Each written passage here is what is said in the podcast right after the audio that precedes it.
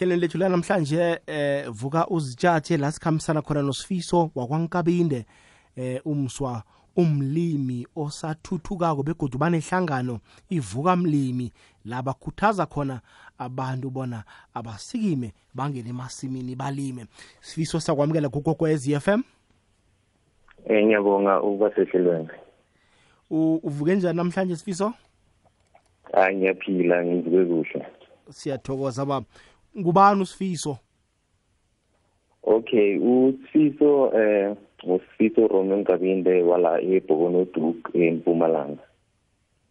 sifiso udume ngani kwezokulima wenzani Eh eh, umuntu ozithandela ukutshala eh ngathanda ukutshala ngicala iCovid engadini yami encane la ekhaya. mm Ngahamba ngiyithuthukisa ingadi yami lencane ngoba ngibona ukuthi into zami lezi engitshalako nazi zivela kuhle futhi nabantu bazithanda. mm Eh. Bekube nje usifiso mhlambe eh khamba njani ukulima kwakhe ekhaya ama challenges ahlangabezana nawo so ukhona ukuthengisa thengisa u- wenze ngani nje? Eh mina kokuthoma mangithoma ukuqala bengithoma ngithenga imbewu khona la entolo and then kwafika isikhathi sokuthi ngizwe i- iphesi ngizwe emhathweni bakhuluma ngegrant efanda abalimi abancane ebapha ama-voucher ukuthi bathenge intshalo umanyora nento ekufana nalezo ngiyabona. Wayithola igrant leyo. iye manje u- utshaleni eh, engadini nakho sifiso? Ingangani godi? Ikuphi? Mina ingadi yami ila ekhaya eh ngitshale ispinach itamati ne-anyanisi. Eh ingadi yami i-20 meters by 10 meters. Ngiyabona. Ikusebenzela kangangani mhlawumbe ingadakho?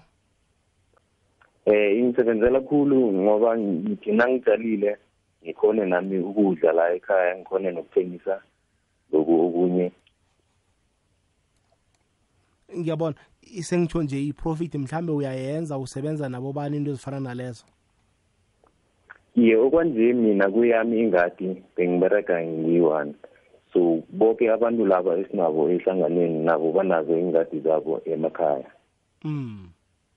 Eh manje-ke nithi ninehlangano ivuka mlima kusitshele ngayo kancane Okay, eh ivuka mlimi yihlangano eh yelutsha egcugcuzela ilutha bona libuyele eh, ekutshaleni nasekufuyeni. mm. So thina njengevuka mlimi sithanda ukuthi ilutha lonke libuyele litshale futhi lifuye. Ngoba sikholela ukuthi masibuyela eh back to endleleni zokutshala nokufuya incoba into eziningi ezifana ne high employment unemployment ekhona lana esibambile. Abantu abaningi bahleli bakhona ababereki abenzini next ijimelo mhlambe eh, namkha ihlangano leyo niyivulileko nibangakhi kiyo inisebenzela njani yona? Okay okwamanje ihlangano le sikhona ukuhlanganisa amalunga angafika ku-20 and then eh thina ihlangano yethu le sifuna ukugcugcuzela aba ilutha ukuthi libuyele lifuye litshale and then sizoberegisa nendawo lezi ezikhona la around. Ezingakatshalwa ezingabereki ngiyabona. Um- umhlangano beninawo mhlambe ngo- ngolosihlanu lo ukuhambe njani? I-agenda benikhuluma ngani? Okay umhlangano wethu ukhambe kuhle. Eh bekumhlangano wethu wokuthoma njengevukamlimi besisabiza abantu bona sihlanganeni sazi ukuthi ihlangano yethu le inabantu abayingakhi okwanje. Thina sizokutshoda ngani? Njengoba siyokulima njengoba sibuyela siyo sibuyela ema siyokulima njengoba futhi sibuyela siyokufuya. Ngiyabona. Alo abasehlanganweni nakho bakhona sebathomile mhlambe ijima lokulima namkhanjani? Iye bakhona. Eh iningi labo eh bebavele batshala. So laba esibafuna kakhulu ngilaba ama-aspiring farmers. Small farmers nabantu ebavele batshalako bathini bona? Bathi mhlambe bazimisele kangangani? Baya eh, bayazi ngegrant mhlambe ekhona eh, eyatholwa nguwe into ezifana nalezo? Iye esibatholile abantu bazimisele nalaba ebangakathomi bayatsho bona bazimisele. Eh iningi labo liyazi ngegrant le. Ngoba bengihlala ngibatshela ngayo after ngitholile ukuthi isiza njani abantu abatshalako.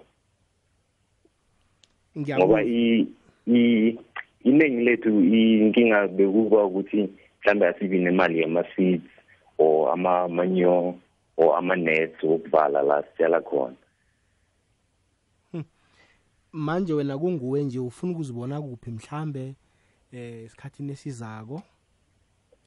Eh thina iphupho lethu njengevukamlimi ukubona ilutha lihlangene linendawo engalingana iplasi si eh senze amathuba wombereko si sikhone nathi ukuzitshalela sithengise lokho esikuthengisako nokukusalako sikhone nathi ukudla. Ngikuphi mhlawumbe otshoda ngakho ukuthi nawe ungakhulisa ingadi yakho? Eh thina inkinga evane sibe nayo kakhulu inkinga yenkukhu yinyoni so singadinga ama-net or any kind of support umuntu wangakhona ukusinceda ngayo. Njenge-initiative efuna ukukhuphula ilutsha likhuphule nge-agriculture. Uh mhlambe isizwe nilitholako locally kwezokulima ngingaba kungaba ngiliphi? Okay eh isizo okwanje esilitholile silithole ku Department of Agriculture. Bazile eh ku meeting wethu bazokulalela. Batsho nangendlela bona ebangasinceda ngakhona bangasinceda okwanje ngembewu. Ngiyabona. Eh ikareko mhlambe kilabo abanye ohlanga ohlanganyele nabo kilihlangano injani? Mhlambe batshengisa ikareko? Iye balitshengisa kakhulu eh futhi ngithole nabantu abanye eba interested in our initiative ebafisako nabo ukuba nathi. Ngiyabona. Le igogwezi FM kukhanya pha iba lichumi nemzuzu eh mihlalo ngaphambi kobana kubethe isimbi yechumi nanye. Lihlelo vuka uzitshathe la sithuthukisa khona amapebo masomabhizinisi abancane sikhambisana nosifiso wakwankabinde. Hayi umlimi naye bakwethu uyazama impilo uyathengisa uyawuraha umtlhako into ezifana nalezo. Ibhizinisi yona ikhambela njani eh ngezinto ezivunwa lapho? Eh iyakhamba khamba yona? Eh ibhizinisi ikhamba kuhle. Ngize ngadecide ukuthi ngcono into zami lezi njengoba ispace sami lesisikhulunyana sivule indawo yokuthengisa zona injalo lezi khona la endleleni la kuphithizela khona. So ngingatsho ukuthi ibhizinisi iyakhula ngoba ngathoma kancane ngithome ngingathi beyi about uh, five meters five meters. Ngiyabona. Iyakhamba yona. Eh intshalo zakho ziyathandeka. Phela abantu baya ngokuthi intshalo zakho zinjani? Into zifana nalezo sengitsho ukuthi bayazithanda intshalo zami.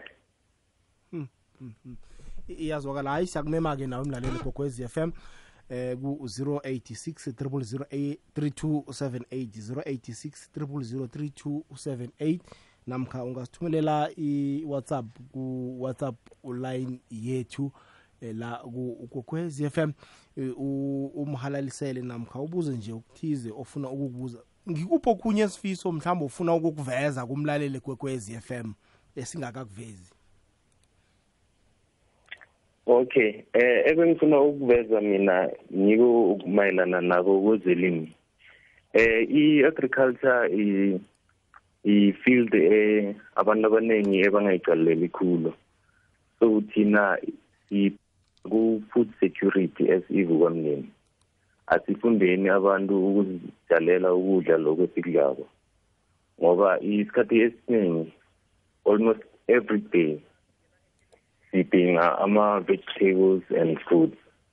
So masiwatshalile khona la emajardini wethu or sithole indawo ezikulu eh siminasa ama-expenses endweni esizithengayo ngoba izinto seziyadura manje eh imisebenzi nayo ayisiningi kangako ngendlela ekose ibe ngayo.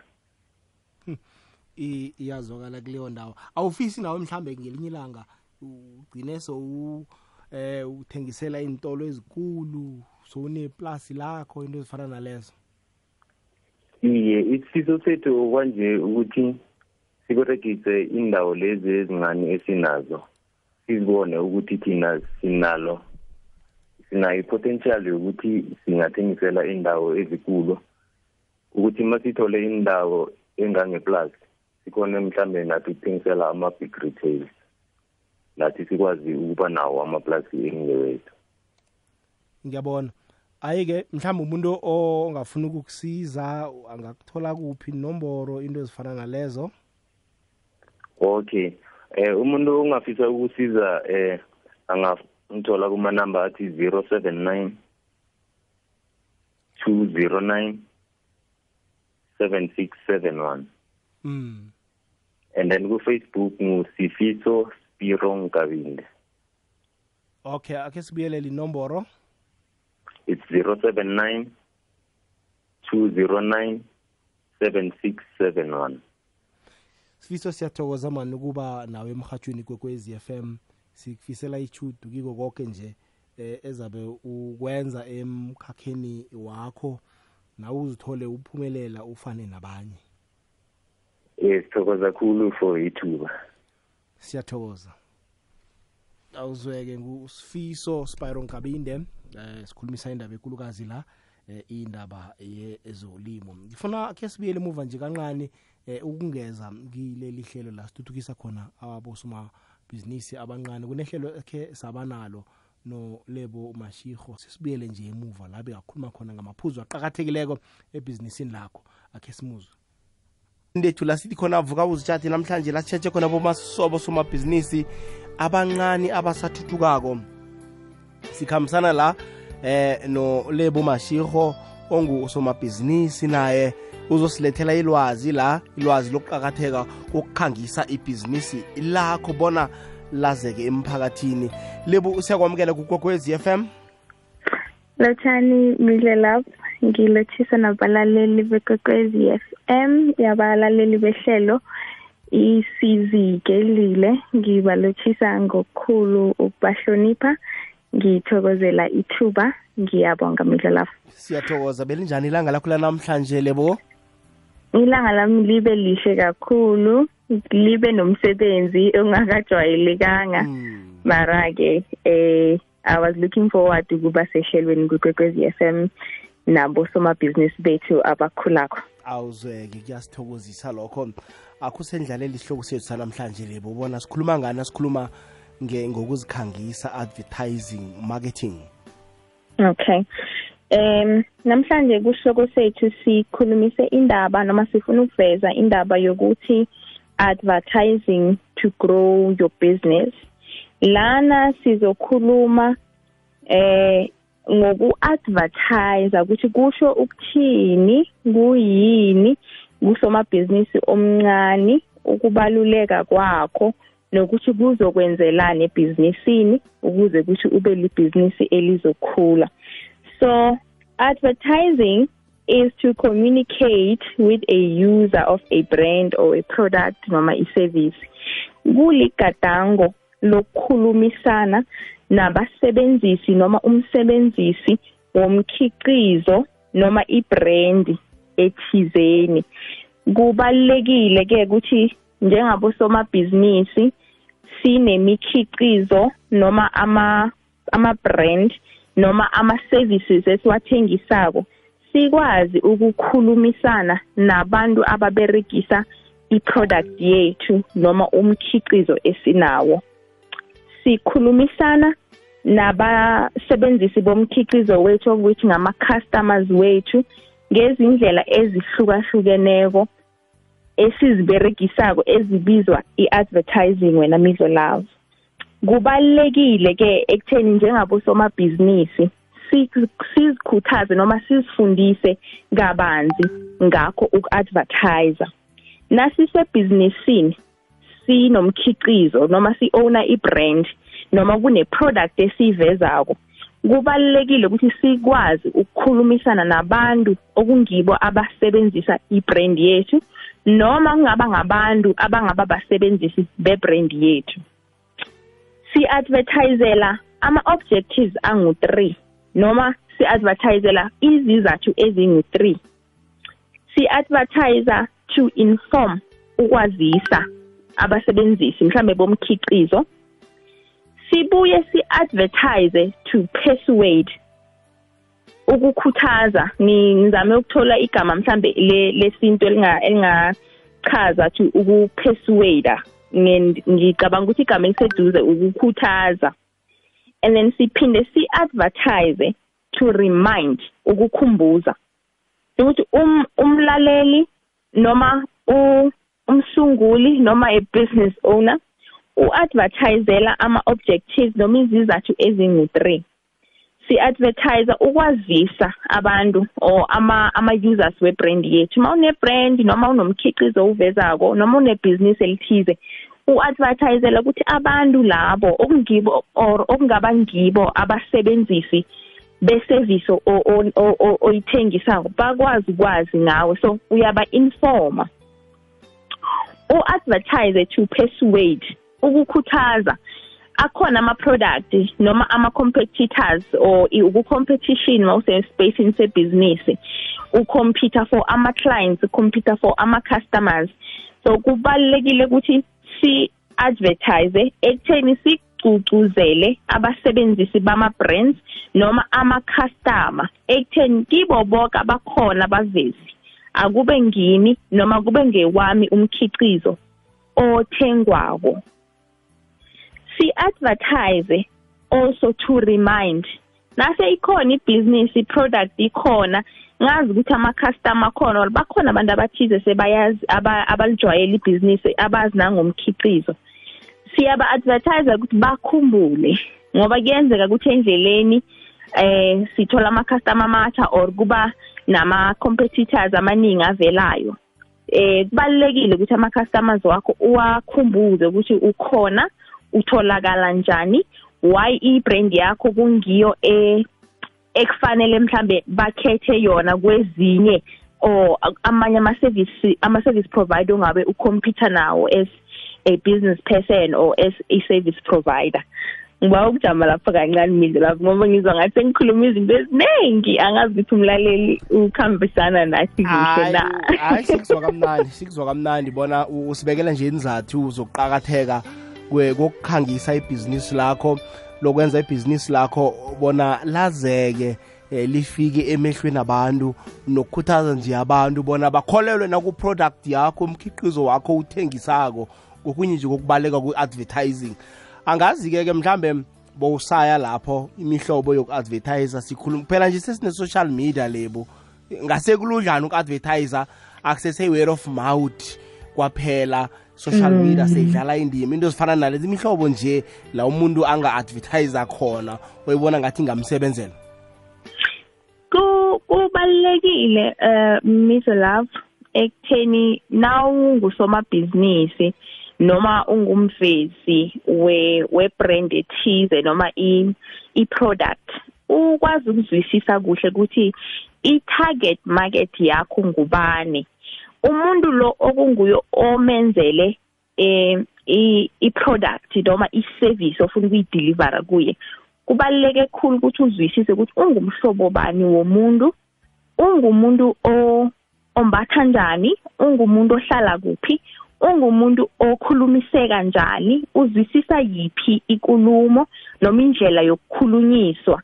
Bese kuyoba kula njengomuntu osebhizinisini or umuntu osehwebeni one brand noma one product uyokwazi ukukhetha ukuthi elami ihlobo laba uh, lama users noma ama customers wami or abasekeli be product noma umkhiqizo wami badinga ukuthi ngiba advertisele ngendlela enjani.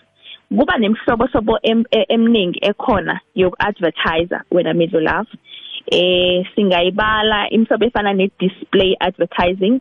Lapha nasikhuluma nge-display advertising kula siyosebenzisa izinto ezifana nabo-banner or ama ama billboards lawo siwabeka ngasendleleni ezikulu eh kubo ma highway nakwezinye indlela la sazi khona ukuthi kuba ne traffic i display uh, advertising kuba ngumhlobo onjalo. i kuba sithombe esikhona esijamile eh uh, the people abasebenzisa ispace leso bakwazi ukuinteracta naso noma bakwazi ukuinteracta nomhlobo onjalo we advertising and then sibe nezindlela ezibizwa ukuthi your video advertising of which is very popular eh, emalangeni sesiphila kiwo.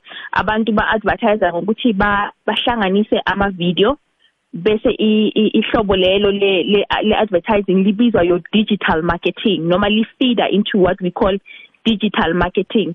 La siqala khona ukuthi ubuningi babantu baberegisa eh abo babizwane ama ama smartphones eh si si advertise kanjani ukufinyelela abantu mhlawumbe abangasisendleleni abangekho ngenkoloyini ba traveler mara baphethe ama ama phones angama smartphones you put together videos and you you then feed into ama platforms aba abathanda mhlawumbe spend isikhathi kiwo then into le contribute to your digital marketing or digital advertising. Eh kuba nabo mobile advertising la uthola khona yona indaba yama yama apps or indaba yokusebenzisa um ama phones your social media ama devices lawa esiwaphethe vele wona lawa abizwa you smartphones where kunabantu ababeregisa iplatform leyo ukuthi you know noma kungasi ngumhlobo kwabantu abazofunda amaphepha noma abafunda ama magazines noma eh abasebenzisa your traditional marketing bayasazi ukuthi eh silihlobo labantu esi spend isikhathi kuma phones wethu wena Mizo Love. Abo abo platforms abafana nabo nabo Facebook mhlawumbe abafana nabo abo abo WhatsApp namanye ama ama apps akhona. Bese uthola ukuthi uyazwisisa ukuthi mina njengo Miss Love lami business noma umkhiqizo enguphethe uconsumer ngama customer a spend isikhathi ku Facebook then uyosebenzisa i-platform efana nayo i-Facebook noma abo LinkedIn namanye ama platforms mara kubaleke khulu ukuthi uzwisise i-customer lakho noma i-target market kuhle kuhle wena umhlobo bani we customer ofuna ukukhuluma nabo. Ngoba ekuthomeni ngiveze ukuthi uku-advertise kulihlelo lokuthi sikhulumisane nabasebenzisi bemkhiqizo yethu.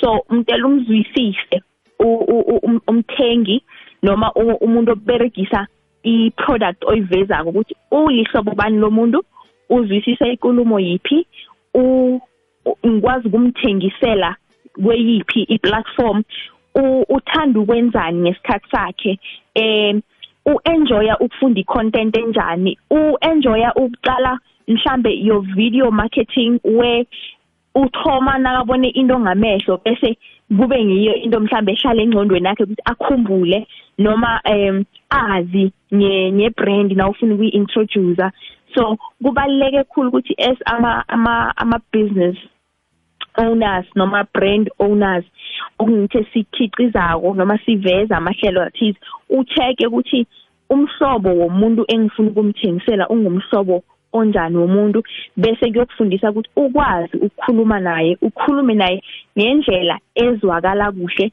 to a point yokuthi uzokwenza isale because the reason yokuba sebusinessini ukutheni senza ama sales vele senze imali. Mara imali lesiyenza njani? Ngokuemployer ama tools afana neadvertising. Ya iyazwakala mlaleli kokwez FM njenganjena ke echumi nekhomba imzuzu ngaphambi kobana kubethe isimbi echumi nanye. Sizigedlile sikhambisana nolebo mashiho. Usitshela indaba emnandi la indaba yokuqakatheka kokukhangisa ibhizinisi lakho. Asikunikele ithuba-ke nawo mlaleli kokwez FM asingakuvaleli ngaphandle. Mhlambe ke ungaba nembuzo lapha nalapha othanda ukuyibuza eh kusithekeli sethu namhlanje la ungasidosela umtato ku 086000 3278 086000 3278 namkha eh, ku-whatsapp line yethu ethi 079 413 079 413 nawenze bunjalo kokhe kuzokuzwakala emoyeni.